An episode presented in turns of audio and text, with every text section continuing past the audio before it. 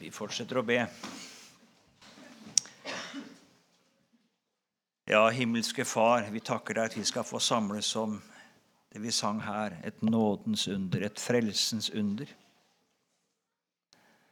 Tenk at du ser til syndere.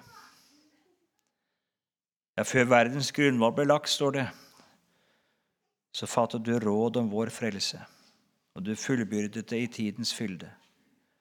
Og så vil du at vi alle skal ha del i det, hver eneste en. Så elsker du verden. Hver eneste en som er her. Og Vi skal på en særlig måte få se det når vi skal ha dåp. At du vil det, at det skal et menneske få.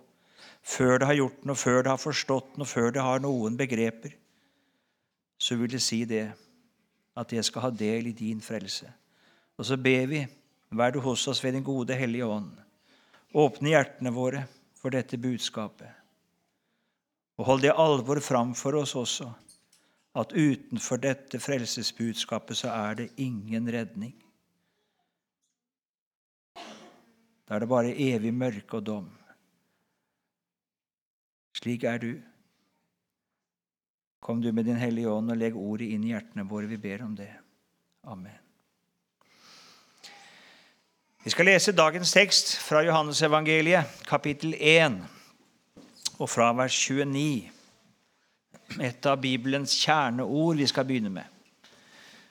Et fantastisk ord. Og Vi leser i Jesu navn. Dagen etter ser han Jesus komme til seg og sier, Se, der Guds lam, som bærer verdens synd. Det var om ham jeg sa, etter meg kommer en mann som er kommet foran meg, fordi han var før meg, og jeg kjente ham ikke. Men for at han skulle åpenbares for Israel, derfor er jeg kommet og døper med vann. Johannes vitnet og sa, Jeg har sett Ånden komme ned som en due fra himmelen, og han ble over ham. Jeg kjente ham ikke, men han som sendte meg for å døpe med vann, han sa til meg, Ham du ser Ånden komme ned og bli over, han er den som døper med Den hellige ånd. Og jeg har sett det, og jeg har vitnet at han er Guds sønn.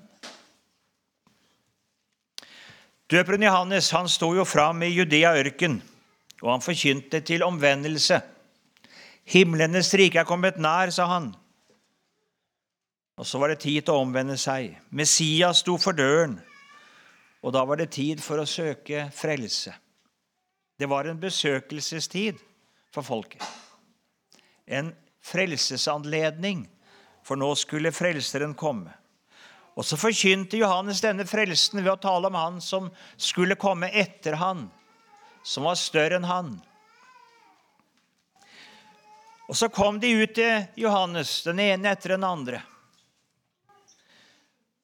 Og så bekjente de sine synder. Og så hadde Johannes en dåp. Det er jo ikke den kristne dåp. Den står ikke i den på en måte Vi kan si det slik at Den kristne dåp det er en dåp til det fullbrakte frelsesverk. Mens Johannes' dåp den står på mange måter i den gamle pakts ordning. Det er en renselsesdåp.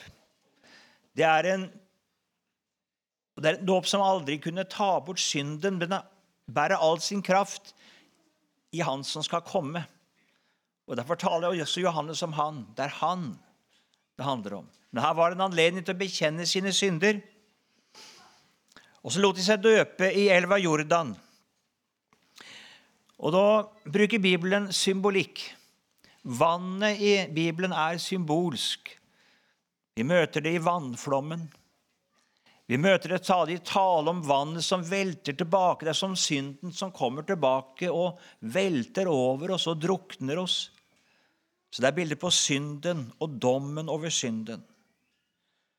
Så da gå ned i Jordan, det er egentlig å gå ned i døden, i dommen. Og bekjenne det at jeg hører døden og dommen til. Jeg er en synder som hører døden og dommen til, og jeg fortjener å gå under. Det er ikke noe mindre enn det man bekjenner egentlig. Slik vannet ved syndfloden var et dommens vann som druknet menneskene og synden sånn er vann i Jordan noe som da drukner menneskene og synden. Det underfulle det var at dette var ikke det siste. De gikk ikke ned i Jordan for å bli der, for å gå under der, men de fikk lov til å stå opp igjen. Det var utgang ifra dommen, det var utgang ifra døden. Det var det israelittene hadde opplevd ved, ved Rødehavet når de gikk gjennom det. Det skulle naturlig vært døden, ikke sant? Men så åpnet Gud en vei gjennom dette dommens hav. Det som ble til dom for egypterne, de lå igjen døde på havbunnen. Det var ikke det for Israel. De fikk gå berget ut. Sånn var det når israelittene hadde kommet her også, som døperen sto, under Josva. Og så skilte dette vannet dem fra løfteslandet. Et bilde på hvordan synden og døden og dommen skiller oss fra Guds frelse. Det var ingen farbar vei. Og så skulle prestene ta paktens ark, og så skulle de gå ut i Jordan. Og så vek vannet i Jordan like fra Adam, står det. Det er så fantastisk bilde. Det er så anskuelig. På denne arken der var, pakt, der var, der var blodet av syndebukken stenket. Det ble ikke vaska bort. Og så kom dette blodet ut i Jordan, og så vek vannet like fra Adam. Et bilde hvordan synden og dommen over synden like fra Adam måtte vike for han som hadde båret det og sonet det. Nå var det bare forbilledlig.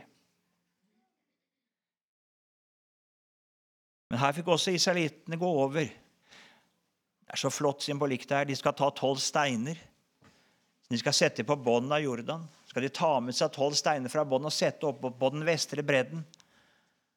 Og Så kunne de siden gå og se på det. kunne de si det. Der nede hører vi egentlig hjemme. Det er der vi er tatt fra. Der gikk vannet nå over. Men nå er vi her. Vi er frelst ifra dommen, frelst ifra døden, frelst ifra synden. Og det var blodet som åpnet veien for oss. Hvordan går det an at død og drukning ikke er det siste? At det er utgangen fra døden og dommen. Det står jo det i Gammeltestamentet om utgang ifra døden. Det er naturstridig. Det er et guddommelig nådesunder. Og Her møter vi noe ved Jordan hos Johannes som er større enn overgangen over Røda. Større enn overgangen over Jordan her et nådens under, at de som fortjente døden, og som gikk under og bekjente det Jeg fortjener døden. Jeg fortjener å gå under. De fikk stå opp igjen. Så kan vi lett tenke at det er fordi Gud ikke tar det så nøye lenger. Vi er i den nye paktstiden, og så nå er det ikke så farlig lenger. Nå skal Johannes få si det at det er, det er bare å bekjenne, så er det i orden. Men at så ikke er tilfellet, det ser vi når fariseerne kommer. De vil ikke la seg døpe. De har det rett. De bekjenner sine synder. De, de mener at de har det rett. Så spør Johannes dem, hvem lærte dere å flykte fra den kommende vrede? Hvor har dere lært det hen? Det vil aldri gå, sier Johannes. Dere må ikke tro det, at det vil gå. Øksen ligger allerede ved roten av trærne. Dere står i ferd med å bli hogd ned. Deres gudsfrykt, det holder ikke. Guds, Guds fredesdom, den ligger fast. Den gjør det. For hver den som ikke tar imot den frelse som Gud har fattet råd om, Gud er ikke en slik som bare favner alle, og så kan man komme til Han. Vi har jo en beretning i Gammeltestamentet om Arons to sønner. De tenkte det. Vi vil takke og prise Gud. Vi vil gå inn til Han med røkelse. Og så slår Gud dem ned. For de aktet ikke på det, at det er ikke opp til mennesket å bestemme på hvilket grunnlag Gud skal ta imot meg. Det er Gud alene som bestemmer det.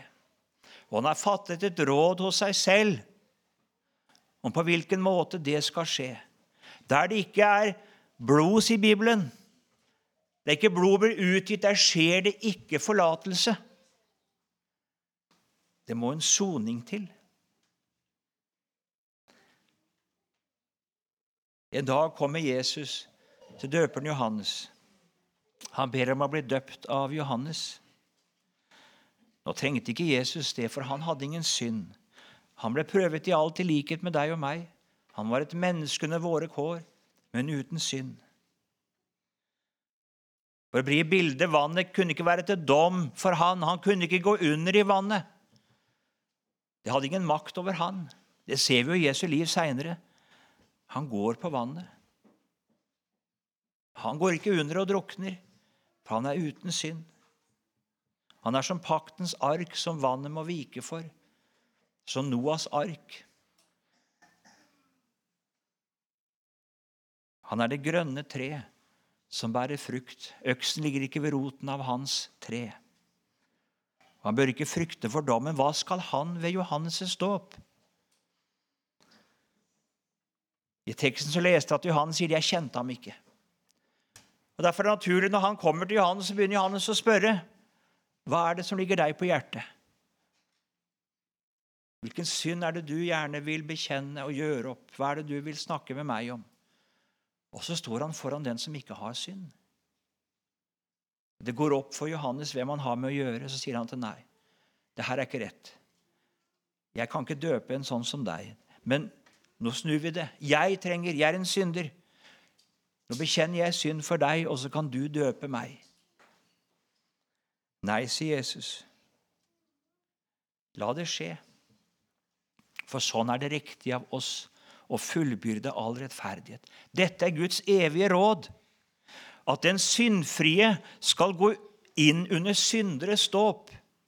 At den syndfrie skal bekjenne synd. Ikke den synd han selv har gjort, for det hadde han ikke. Men bekjenne din synd og min synd. Han som hadde rett til å leve, han som ikke visste av synd. Han som ingen død og ingen dom kunne ramme. Han går frivillig inn under de andres synd og under de andres dom. Og så skjer det et veldig plassbytte her i Jordan. De dødsdømte synderne de hadde gått ned, og det skulle vært det siste. Det skulle vært død og drukning. Det var imot all menneskelig rett og rettferdighet at de fikk opp igjen. Men det kunne de, for der er det én som hadde rett til å leve, og som går ned, og så tar han deres plass i døden, i dommen. Han tar deres synd på seg, og så åpner han en utgang fra døden til livet.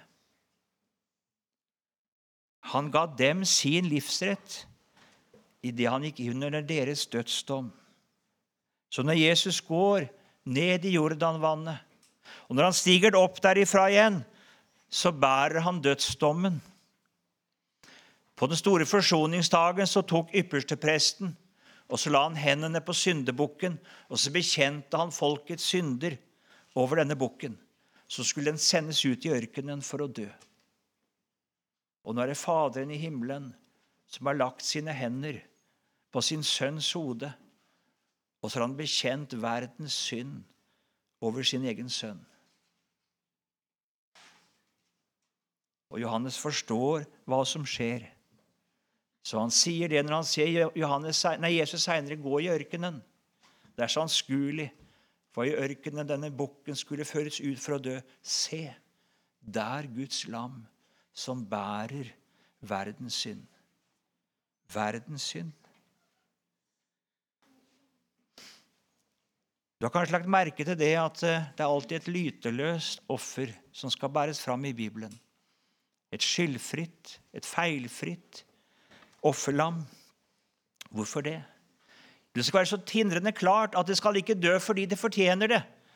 Det var ikke fordi det var en skavank ved det, noe som på en måte tenkte at det, det slakter vi, det, det tar vi.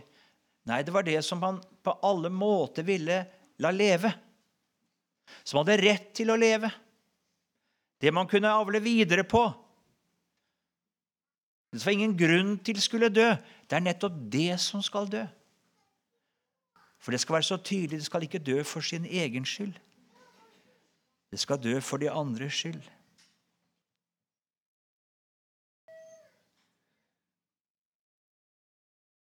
Sånn var det med Jesus. Han som ikke visste av synd, ble gjort til synd for oss.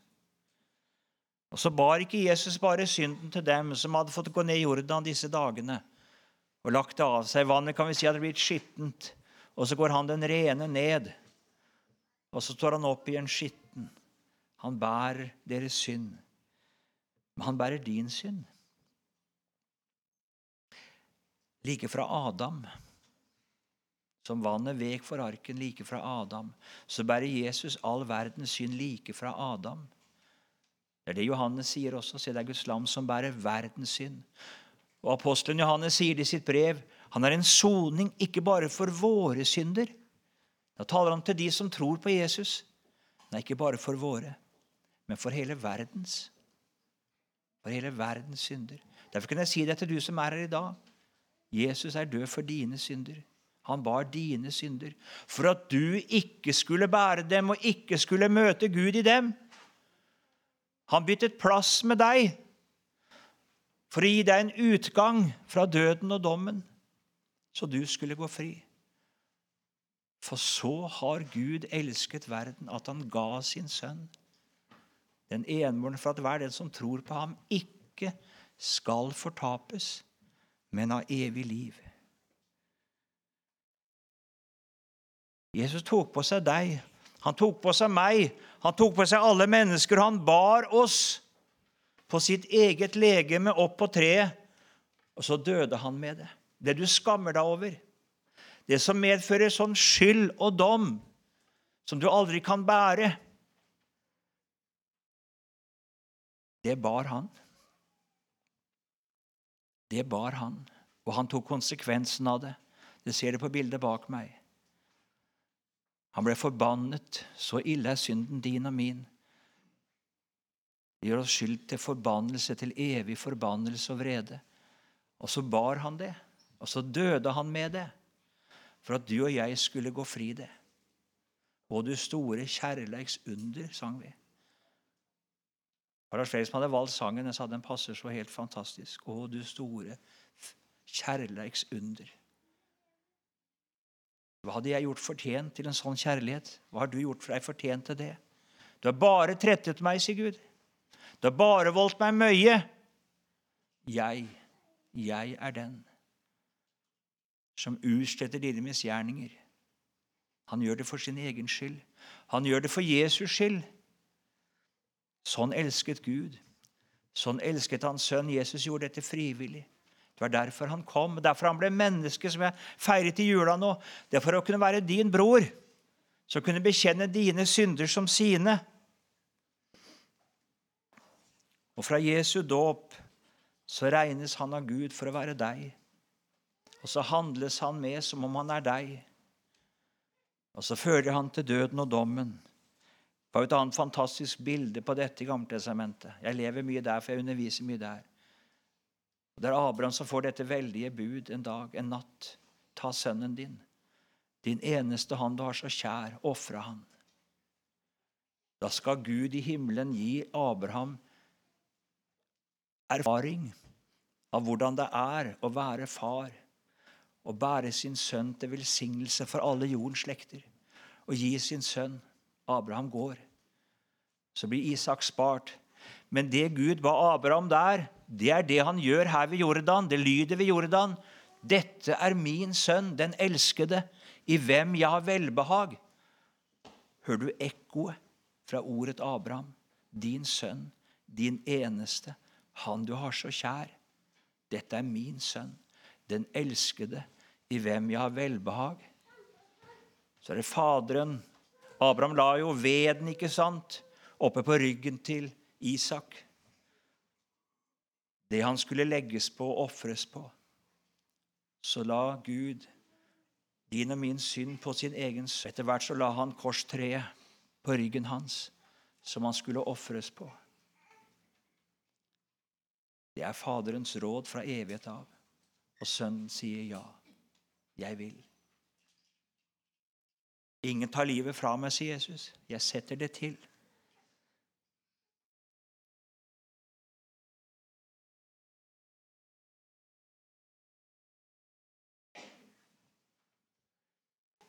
Et plassbytte. Har du tenkt på det? Det fantastiske, dette kjærlighetsunder, at Gud lar sin egen sønn ta din plass. Og handle med sin sønn som om han var deg. Og sønnen gjør det frivillig. Han bekjenner din synd. Når anklagene kommer, og han kan si det at 'nei, det har jeg ikke gjort', så tier han. Vet du hvorfor han tier? For han står der i ditt sted. Og alt det som sies, så mye verre, det er sant. Når det gjelder deg og meg. Og så åpner han ikke munnen til forsvar, for han går frivillig inn i dommen. Din dom. Hvorfor det? Jo, for at det skal være en utgang ifra døden for deg. For At det skal være liv for deg. For at det skal være syndenes forlatelse å få for deg. Når Jesus hang på Golgata kors i Bibelen, så var det som om du hang der i Guds øyne. Så var det deg og meg det ble gjort opp med. Én er død for alle. Derved har de alle dødd. Tenk, sånn regner Gud. Og det er så fantastisk. De jeg kjenner på her innenfor brøstet Jeg er pent kledd i dag. Og, men det, det som hadde sett meg innafor her Det er så stygt, og det er så fælt, og det er så ille.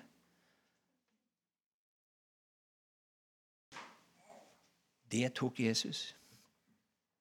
Det bar han. Det døde han med. Det gjorde han opp med. Det kjøpte han meg fri fra. Dersom jeg er død, som om alt mitt ikke gjelder lenger. Det er slettet ut. Skyldbrevet mot oss som var skrevet med bud, det tok han bort. Hans blod strøk over og sa 'betalt'. Det måtte du og jeg ha. Vi måtte ha en sånn ypperste prest. Vi måtte ha et sånt lam som tok plassen vår. Og så er ikke synden og kjødet dødt hos meg, og det er ikke dødt hos deg. Og vi merker det og fortviler over det. Men jeg skal få regne meg som korsfestet med Jesus. Jeg skal regne det som begravet. Jeg skal få regne det som gjort opp.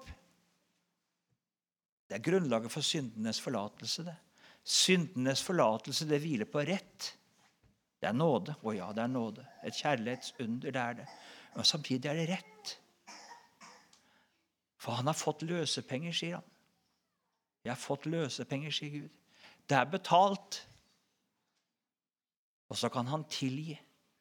For det er skjedd en soning. Blodet har vært utgitt, og så kan Gud tilgi. Om synden er rød som purpur, om den er som skarlagen, så skal den bli som den hvite ull. Og Da skjønner vi at eh, Johannes ropte til folket omvend dere, for himlenes rike er kommet nær. Nå er det et sted å fly med sin synd. Nå er det et sted å bli frelst fra sin synd. Nå er det en anledning til å bli berget, og det er det i dag. I dag er nådens tid. Det er det. Himlenes rike er nær. Jesus er her. Og hvem som vil, få komme. Hvem som vil. Vi leser i Bibelen Jesus taler om innbydelsen til bryllup. Og så er det noe som kommer. De tenker det kan ikke være så nøye. Kanskje var de veldig fint kledd. De syntes ikke livet deres var så ille. De tenkte at Gud tar nok imot dem så kom de i sine egne klær. Og så spør husherren, 'Hvordan har dere kommet inn her uten bryllupsklær?' Ta dem, sier han, og kast dem ut. Der utenfor, der skal det være gråt og tenners gnissel. Gud har ikke forandret seg. Ingen kommer inn i himmelen som ikke er ren, som ikke er kledd og Det er bare ett klesplagg som gjelder der. Det er Jesu rettferdighet. Han tok din plass for at du skal få hans.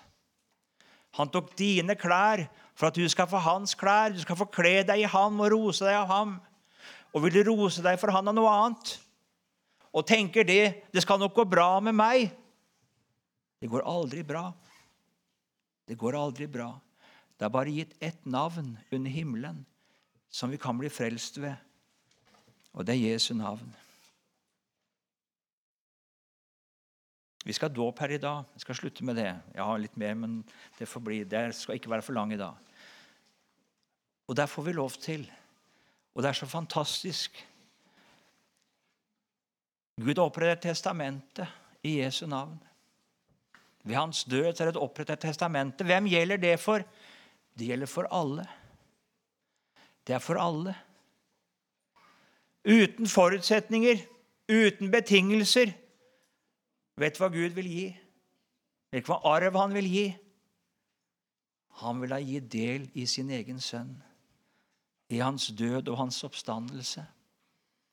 Han vil kle dette barnet, han vil avkle det, dets eget, og ikle det sin sønn i bryllupsklær som passer i himmelen.